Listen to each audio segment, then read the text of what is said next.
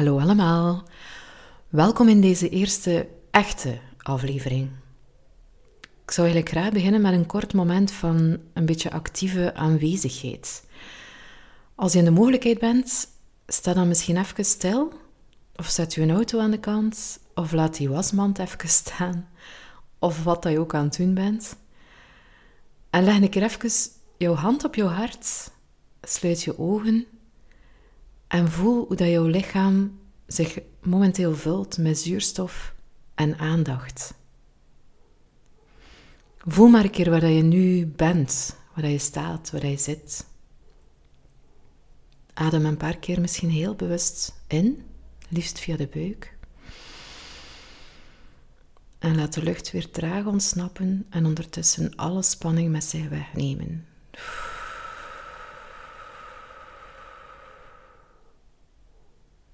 Doen we nog een paar keer. Ontspan maar jouw kaken, jouw voorhoofd. Laat je schouders misschien een paar millimeter zakken. En probeer bij elke uitademhaling wat meer spanning terug los te laten. En weer bewust hier te zijn, nu, op dit moment. Veilig. Er zit niemand achter jou aan. Je bent echt veilig nu. En aandachtig. En aanwezig. In de podcast. Liever benieuwd dan benauwd. Al heel mijn leven moet ik horen dat ik een echte curieuze neuze ben. En dat ik van niks, niks schrik heb. De die is van niet benauwd. Hm. Maar dat bleek toch eigenlijk niet helemaal te kloppen. Want na mijn COVID-ervaring heb ik eigenlijk bij mezelf moeten ontdekken dat ik in C heel erg veel angsten heb. Maar ik had mezelf zodanig veel copingstrategieën aangeleerd, omdat die angst geen ruimte kreeg, dat ik eigenlijk zelfs dacht dat die copings, dat ik die was geworden. Ik was de strategieën gewoon. Een keer dat ik dat door had, dacht ik van, allee, wat is dat nu? Ik was volledig het noorden kwijt. Want als ik niet die Louise zonder vrees was, die de halve wereld rondreisde op haar eentje, en alle varkentjes altijd maar waste, gelijk of dat niks was, ja, wie was ik dan eigenlijk wel nog? En zo begon een zoektocht, een heel ongemakkelijke en een heel trage zoektocht. En heel confronterend. Wat dat er wel bleef, ik was nog altijd die curieuze neuze, maar deze keer was ik eigenlijk heel benieuwd naar mezelf. Keek ik met nieuwsgierigheid, maar ook met heel wat overweldiging en dus onderdrukte angsten naar binnen. Ik vroeg me eigenlijk af waarom dat ik in godsnaam zo ziek was geworden, terwijl dat voor de meerderheid van de mensen corona eigenlijk een griepje bleek te zijn en sommigen er zelfs compleet geen last van hadden. Ik vroeg mij ook af waarom dat ik eigenlijk zo kwaad werd wanneer mensen de pandemie ontkenden of minimaliseerden en eigenlijk vooral aan hun eigen vrijheden konden denken. En zo kwam er eigenlijk een eerste inzicht. Ik voelde mij niet gezien, ik had iets heel erg traumatisch meegemaakt en die mensen zagen het zelfs niet. Maar zag ik het dan wel? Want ik ging toch ook weer snel aan de slag. Ik ging terug gaan werken. Ik wou van alles bewijzen. Ik wou iedereen hoop geven door te tonen hoe goed dat eigenlijk met mij ging. Ah, oh, fuck. Bam. Ik zag mezelf gewoon niet. Ik zag mezelf niet. En de zoektocht was begonnen jezelf niet zien, ja, hoe gaat dat dan? Want je bent toch gewoon jezelf? Of ben je dan één of meer dan één of zo? Was ik ineens schizofreen geworden? Of was er iets heel erg mis met mij? Poeh, ik voelde mij ongelooflijk overweldigd door deze vragen en de grond zakte van onder mijn voeten. En alles wat ik eigenlijk dacht te weten, stond ineens op losse schroeven. Nu, in die zoektocht naar mezelf, of naar al die mezelven, ging er eigenlijk een nieuwe wereld voor mij open. Die van de spiritualiteit. Ik weet dat Niet veel mensen dat woord graag horen, maar ik wil vooral de lading dekken, want dit is geen exacte wetenschap. Die zoektocht, je kunt dat niet verklaren met eentjes en nulletjes, of met wiskundige berekeningen, of zelfs met wat het oog kan zien en vastleggen.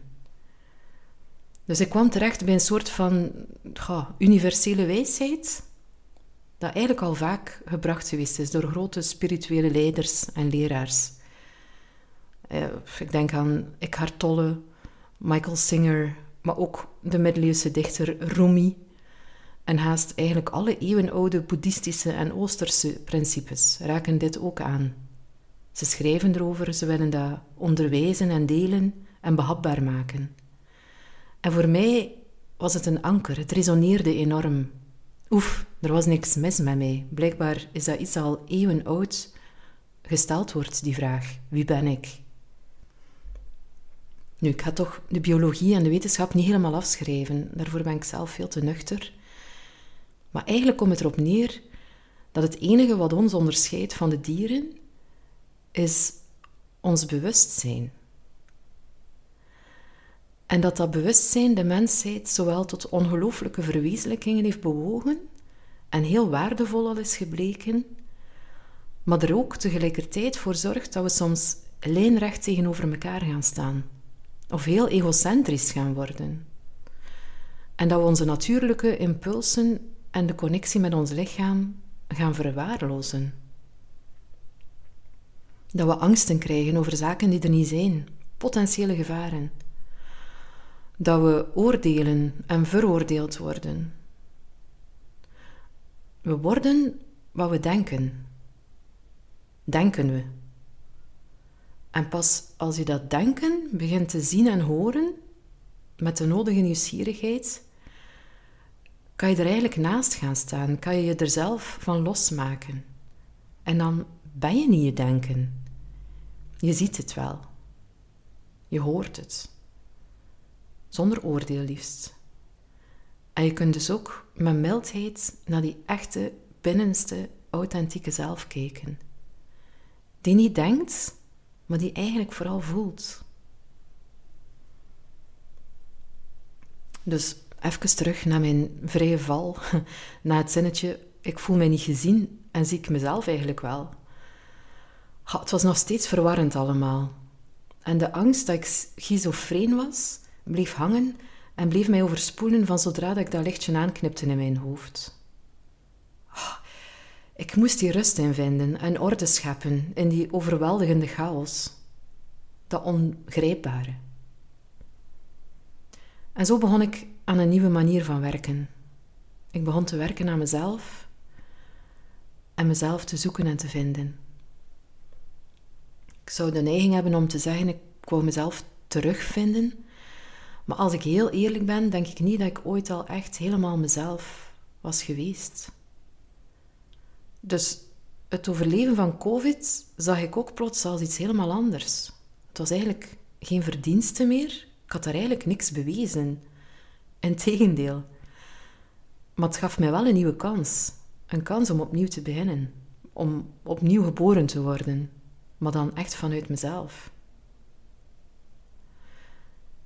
Intense therapie hielp mij ook om de patronen die op dat moment mijn leven beheersen aan te kijken en ook aan te pakken. Journaling dan hielp mij ook om het gesprek echt met mezelf aan te gaan. En vooral ook een keer te zien hoe hard dat mijn eigen gedachten eigenlijk vaak waren voor Louise. Hoe vaak dat ik negatief over mezelf dacht. En hoe dat ervoor zorgde dat ik mij in bochten ging wringen om hopelijk toch extern niet zo slecht gezien te worden. Want oh jee, ik was toch wel een slechte mens. En dan word je dus eigenlijk een heel angstige people pleaser. Die zodanig vaak in functie van die angst leeft, dat je ook echt gaat geloven dat je eigenlijk een slechte mens bent. Ik verwijs graag even in dit kader naar de podcast van mijn vriendin Kelly. Kelly zegt voort. Die in de aflevering rond blauw haar dit eigenlijk haarfijn uitlegt. Dus ik herhaalde het ook heel vaak tegen mezelf van, oh wacht, maar ik heb geen blauw haar. Ik ben geen slecht mens. Ook al zouden anderen dat kunnen denken, ik weet dat ik geen slecht mens ben. En dat ik met de mooiste en de liefste en de zuiverste intenties in het leven sta. Ik wens het eigenlijk iedereen echt goed oprecht. Een ander pijnlijk inzicht was dat ik maar al te vaak begrip had voor anderen en hun situatie of hun manier van handelen goed praten. Als iemand iets slechts deed of mij eigenlijk niet zo fijn behandelde, dan bekeek ik dat veel te snel met een compassievolle blik naar die andere toe. Zo van, ja, ja, ja, ja, ik snap het wel. Ik snap wel waar dat, dat vandaan komt. Goh, en ja, ocharm eigenlijk ook. Ze kunnen waarschijnlijk niet anders, want ze hebben het nooit anders gezien of geleerd. Maar wat dat eigenlijk heel pijnlijk is om te beseffen op dat moment, is hoe ik door die gedachten van compassie voor de anderen volledig voorbij ging aan wat die dingen met mij deden. Hoe pijnlijk dat dat eigenlijk was voor mij. Ik was de, de zodanig aan het begrijpen dat al mijn aandacht daar naartoe ging. En dat ik niet doorhad hoe dat ik mezelf en mijn gevoelens en mijn behoeften ook compleet aan het verwaarlozen en aan het negeren was. Ik had zodanig goed geleerd om de bigger person te zijn, dat er geen enkele ruimte was voor wat dat dan met mij deed. Ah nee, want de bigger person zijn wordt ook algemeen gigantisch aangemoedigd. Aangemoedigd. Dan pas ben je een goede mens. Maar voor wie ben je dan goed? Ja, alleszins niet voor mezelf. Ouch. Mijn therapeut stelde mij heel vaak de vraag: maar wat wil jij eigenlijk? Wat doe jij graag? Of hoe voelt dat voor jou? Confronterend hoor, om daar dan met je mond vol tanden te zitten en de impuls en de neiging te voelen van: Goh, dat doet er eigenlijk niet toe. Hè. Vertel dan eens een keer hoe dat met jou gaat. Wat kan ik voor jou doen? Nu, patronen als deze kunnen zodanig oud zijn en vastgerust dat het heel moeilijk wordt om daaruit te komen. En dat je zelfs eigenlijk de neiging kan hebben om weer heel hard voor jezelf te zijn en boos te worden op jezelf, telkens als je een terugval hebt. Dus dan kan je daar weer teleurgesteld over zijn. Zie je wel? Zelfs lief zijn voor mezelf, zelfs dat kan ik niet. Bon, ik zat zo wat te spiralen. Ik wist eigenlijk niet goed hoe ik daaruit kon geraken termen als schaduwwerk en inner child shizzle en grenzen stellen enzovoort enzovoort. dat hielp wel voor de inzichten, maar ik voelde geen switch in zelfliefde of in mildheid. Ik werd precies alleen maar strenger voor mezelf, zo voelde het wel. En toen kreeg ik heel onverwachts een cadeau. Van een heel spirituele en intuïtieve vrouw die ik eigenlijk nog nooit had ontmoet, maar waar ik een instant verbinding mee voelde. En ze gaf mij een kaartje waarop iets geschreven stond, dat ik met de beste wil ter wereld niet begreep. Op dat briefje stond Ho'oponopono. Ho-o-watte. Ah, dat leek mij zo erg mambo-jumbo dat briefje weken in de zak van mijn jas zat, vooraleer de nieuwsgierigheid het een klein beetje begon over te nemen. En ik onze vriend Google, Google om raad vroeg. Nu, Ho'oponopono blijkt een Hawaiiaans ritueel te zijn rond vergeving, vergiffenis. Het is in der tijd vooral gebruikt geweest voor criminelen, om zo in het reine te komen met zowel hun slachtoffers, maar vooral ook met zichzelf. Boeiend. Nu, wat is het dan? Ja, het is eigenlijk een soort gebed, een soort mantra, waarin je telkens dezelfde vier korte zinnen herhaalt. Ik ga ze even in het Engels meegeven, omdat dat voor mij logischer voelt op die manier. En de zinnen zijn: I'm sorry. Please forgive me. I love you. Thank you. I'm sorry. Please forgive me. I love you. Thank you. Bon. Google had mij dan wel de rationele uitleg gegeven, maar nog had ik eigenlijk geen idee wat ik daarmee aan moest. En ook, ik was toch geen crimineel? En wie moet ik dan vergeven? Mezelf? Voor wat? Ik heb toch niks verkeerd gedaan? En toen hing er weer een lichtje aan. Ik was zodanig streng voor mezelf dat ik in mijn eigen weg stond. En misschien was dat wel een Hawaiiaans vergevingsritueel waard. Bon, ik besloot het gewoon te proberen. Eerst samen met een video op YouTube, want ik vond het heel vreemd om luidop tegen mezelf te moeten praten. Op YouTube vind je wel een aantal filmpjes waarin dat je daarin begeleid wordt. Dus ik ging aan de slag. I'm sorry. Please forgive me. I love you. Thank you. Het spijt mij. Vergeef het mij alsjeblieft. Ik zie jou graag. Dank je. En ik ging steeds dieper een gesprek aan met mezelf. En beetje bij beetje kwam er steeds meer compassie naar boven. Ik begon meer en meer in te zien met welke zaken ik mezelf eigenlijk al die tijd geen plezier had gedaan. Het spijt me dat ik dacht dat je door COVID te overwinnen je ongelooflijk sterk was en moest zijn, en ik dus niet inzag hoe zwaar dat, dat voor jou geweest was. Vergeef het mij alsjeblieft. Ik wist niet hoe het moest lief zijn voor jou. Ik zie je graag. Dank je om er altijd te zijn voor mij. Het spijt me dat ik vond dat je te dik was en je met oordelende blik bekeek in de spiegel. Vergeef het mij alsjeblieft. Ik zie je graag zoals dat je bent. Je hebt helemaal niks te bewijzen. Dank je om er altijd te zijn en om dit allemaal te doorstaan zonder wrok. Het spijt me dat ik jouw tranen steeds tegengehouden heb. Dat ik vond dat je jou moest schamen voor emoties. Kan je het me alsjeblieft vergeven? Ik had nooit de intentie om zo hard te zijn voor jou. Ik zie jou graag en ik wil voor je zorgen. Dank je om er steeds geweest te zijn. Het spijt mij voor al die keren dat ik vond dat je geen recht had op zorg of compassie, omdat er veel ergere zaken zijn in de wereld en jouw akkefietjes daardoor eigenlijk onbelangrijk waren. Vergeef het mij alsjeblieft, want ik wil er wel zijn voor jou. Ik wil zorgen voor jou.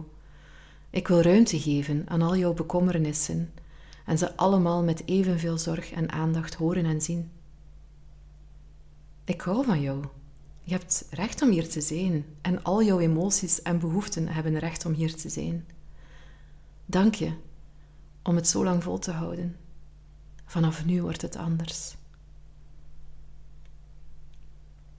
Het spijt mij dat ik vond dat je maar moest kunnen blijven doorgaan, ook al was je uitgeput en doodmoe. Vergeef het mij alsjeblieft. Ik weet dat je eigenlijk rust nodig had en hebt. Sorry als ik je alsnog liet doorwerken en ballen omhoog houden. Ik hou van jou hoor. Dank je dat je dit zo lang hebt gedaan, maar laat de ballen nu maar een keer vallen. Ga maar liggen als je moe bent. Rust maar. En zo ging ik door. Elke dag. Verschillende keren. En leerde ik hoe ik mijn bewustzijn kon aangrijpen om mezelf te zien. Echt te zien en om mezelf te horen. Maar ook om mezelf te vergeven en graag te zien. Om voor mezelf te zorgen en dankbaar te zijn voor wie ik ben. En alles begon ineens wel te shiften. Door mijn nieuwsgierigheid in plaats van oordeel en angst mijn gedachten te horen, kon ik ze ook meer compassie geven en minder hard worden voor mezelf. Kon ik meer begrip opbrengen ook voor mijn verleden en ook kiezen om het eigenlijk voortaan anders te gaan doen. Het is zo waardevol gebleken dat een cadeau is dat ik eigenlijk graag aan iedereen wil geven. Zelfvergiffenis, zelfcompassie, zelfliefde. Om zo ook met meer liefde en zorg en mildheid niet enkel naar jezelf, maar ook naar de ander te kunnen kijken. Om zo geen slaaf of slachtoffer meer te zijn van je patronen, maar ze te zien en te horen. En zonder oordeel, maar met heel veel mildheid en begrip te proberen te doorbreken. Ho'oponopono. Het spijt mij. Vergeef mij alsjeblieft. Ik zie jou graag. Dank je.